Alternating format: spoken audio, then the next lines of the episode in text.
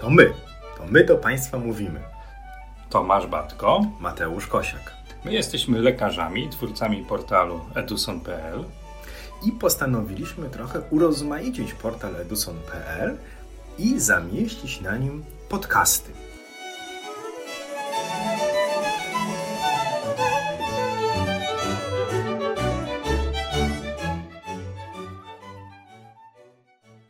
Przydarzyło mi się ostatnio i przydarzyło mi się już jakiś czas temu wcześniej w gabinecie ultrasonograficznym uzdrowić pacjentkę. Uzdrowić z bólu brzucha, albowiem przyszła z bólem brzucha na badanie, a wyszła bez bólu brzucha. To się może zdarzyć. To za dużo od razu, żeby ekstrapolować i robić z tego regułę, że USG leczy, ale jak przyjdzie taka pacjentka z IBS-ikiem, i ugniatamy ten brzuch i masujemy te jelita i mamy podgrzewany żel. Do tego badający lekko obniży głos, aby wprowadzić taki terapeutyczny nastrój. To po takiej interwencji żelem i głowicą po brzuchu brzuch boleć przestaje. Dzień dobry Państwu. Witamy serdecznie w naszym odcinku poświęconym uzdrawiającej mocy ultrasonografii. Bo to nie jest tak, że ultrasonografia jest wyjątkową metodą, która potrafi przynieść ukojenie naszym pacjentom. Myślę, że raczej wynika to z Twojej wyjątkowej osobowości, Twojego miękkiego głosu, ciepłego żelu i głowicy, która leczy w Twoich rękach. Bardzo się teraz speszyłem i zaczerwieniłem. Właściwie nie wiem, co powiedzieć. Dobrze, że Państwo tego nie widzą. Ale tak już na poważnie. Mówiliśmy kiedyś o ultrasonografii psychiatrycznej, bo do tego namówił nas nasz kolega, którego zięć jest psychiatrą i ten kolega lekarz namawiał tego zięcia psychiatry, co to by ten lekarz wdrożył się w ultrasonografię point of care. Wszak wiele pacjentów dyżurowych u psychiatrów to takie przypadki, kiedy trzeba rozróżniać, czy objawy wynikają z chorób psychicznych, chorób duszy, czy być może zachowanie takie, a nie inne jest wynikiem chorób somatycznych, czy zaburzeń wodno-elektrolitowych przebiegu niewydolności nerek, czy na przykład zapalenia płuc, które u osób w starszym wieku może przebiegać inaczej niż u młodych, czy na przykład innych zaburzeń somatycznych, które możemy znaleźć za pomocą głowicy ultrasonograficznej. I to jest ta sytuacja, gdzie Lekarz wykonując badanie USG będzie wiedział, jak leczyć swojego pacjenta, czy leczyć duszę, czy ciało. Ale ta sytuacja doskonale oddaje ten klimat, który wiąże się z wieloma naszymi badaniami ultrasonograficznymi, które wykonujemy na co dzień u naszych pacjentów, których tak naprawdę już po zebraniu wywiadu wiemy, że jest niewielkie prawdopodobieństwo znalezienia somatycznej przyczyny dolegliwości naszego pacjenta. I dużą rolę ma tu rzeczywiście i osobowość lekarza, który wykonuje badania USG, i umiejętność rozmowy z pacjentem, i umiejętność wyciągania istotnych klinicznie w tym danym momencie informacji od pacjenta, które mogą doprowadzić do uzdrowienia sytuacji, z którą pacjent zgłasza się do lekarza. Mówiliśmy o ultrasonografii psychiatrycznej, ale jest też jeszcze, no nie bójmy się tego powiedzieć, psychiatria ultrasonograficzna. To, o czym mówiłeś, że przychodzi pacjentka, przychodzi pacjent i kładąc kawę na ławę, mówiąc sobie wprost, ja wiem, że oni są nie do mnie, że wybierają sobie badanie ultrasonograficzne, bo na przykład tarczyca dusicielka, bo ich tak dusi, na szyi jak baronową krzyżowską i badamy tą tarczycę, że ona nie uciska, ma dobrą objętość, pokazujemy na monitorze i schodzi cudownie z pacjenta to, że jednak nie jest duszony przez tarczycę dusicielkę. Wspomnieliśmy już o IBS-ie zespołu jelita drażliwego, kiedy to pacjent domniemuje, iż ma jakąś chorobę somatyczną, a my tej choroby nie znajdujemy. I trzeba zdać sobie sprawę, że pacjent zatroskany o swój stan zdrowia może zrobić wiele badań, może się zadiagnozować i wcale od tego diagnozowania nie będzie zdrowszy.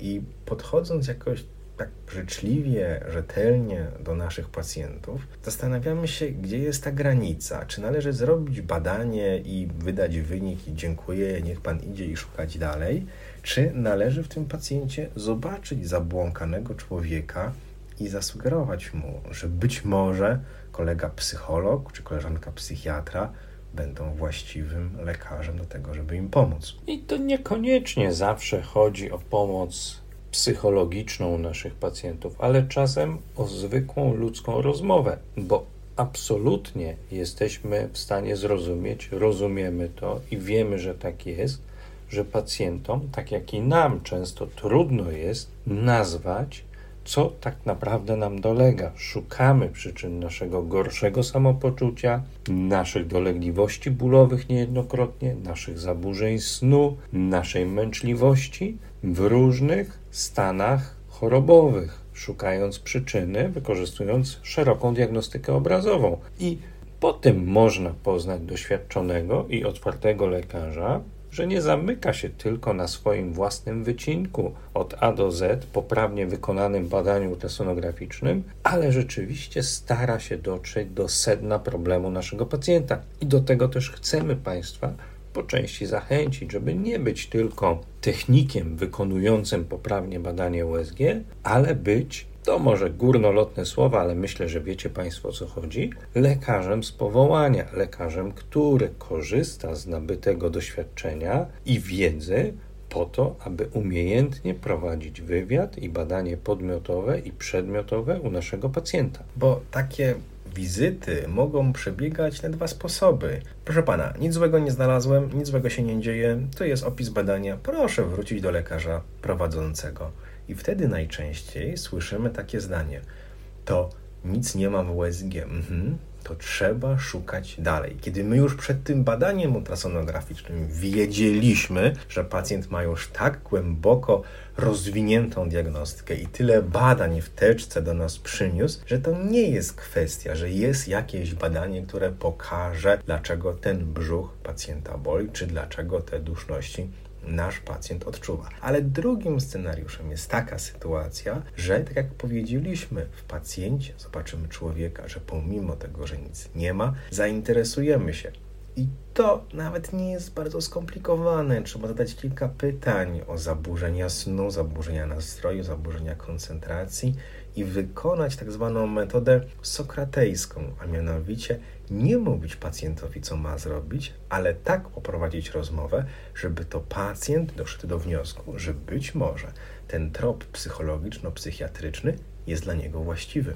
Ale oczywiście musimy mieć świadomość tego, że nie wolno przekraczać nam granic naszych kompetencji i że należy zawsze mieć z tyłu głowy świadomość tego, że nasz tok myślenia też może być mylny i możemy poprowadzić naszego pacjenta na manowce. To nie chodzi o to, żebyśmy stawiali się w pozycji alfa i omegi, człowieka, który wykonując badanie USG rozwiąże wszystkie problemy naszego pacjenta, ale chodzi o to, aby ten pacjent wychodząc z gabinetu USG miał poczucie zaopiekowania, miał poczucie tego, że badanie USG zostało wykonane poprawnie, rzeczowo, a do tego lekarz był gotów dać wskazówki, jak dalej powinien toczyć się tok diagnostyczny konkretnych dolegliwości. Że był u lekarza, a nie w laboratorium ultrasonograficznym.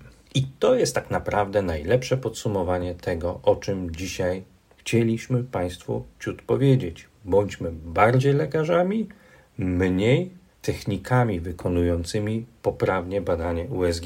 I mając pewną życzliwość w stosunku do naszych pacjentów i widząc, z jakimi problemami oni się spotykają, to te sytuacje, kiedy my patologii, czy to w badaniu jamy brzusznej, szyi, nie znajdujemy, są tak naprawdę dla nas badaniami trudnymi, łatwiej nam rozpoznać, a ma pan kamicę pęcherzyka żółciowego, ma pan kamicę układu moczowego, czy powiększony gruczoł krokowy z zaleganiem moczu po mikcji. To jest dla nas proste. To są krótkie wizyty, ale te, kiedy obraz ultrasonograficzny jest prawidłowy i rozważamy, czy poszerzyć diagnostykę obrazową o inne badanie, bo jesteśmy świadomi ograniczeń ultrasonografii, czy pójść zupełnie inną ścieżką po to, żeby dopomóc pacjentowi, wcale nie są takie łatwe. Cierpliwości Państwu życzymy, otwartości, uśmiechu i umiejętności rozmowy z pacjentem. Poszukiwania, zainteresowania, zaciekawienia się pacjentem, my to w sobie ciągle rozwijamy.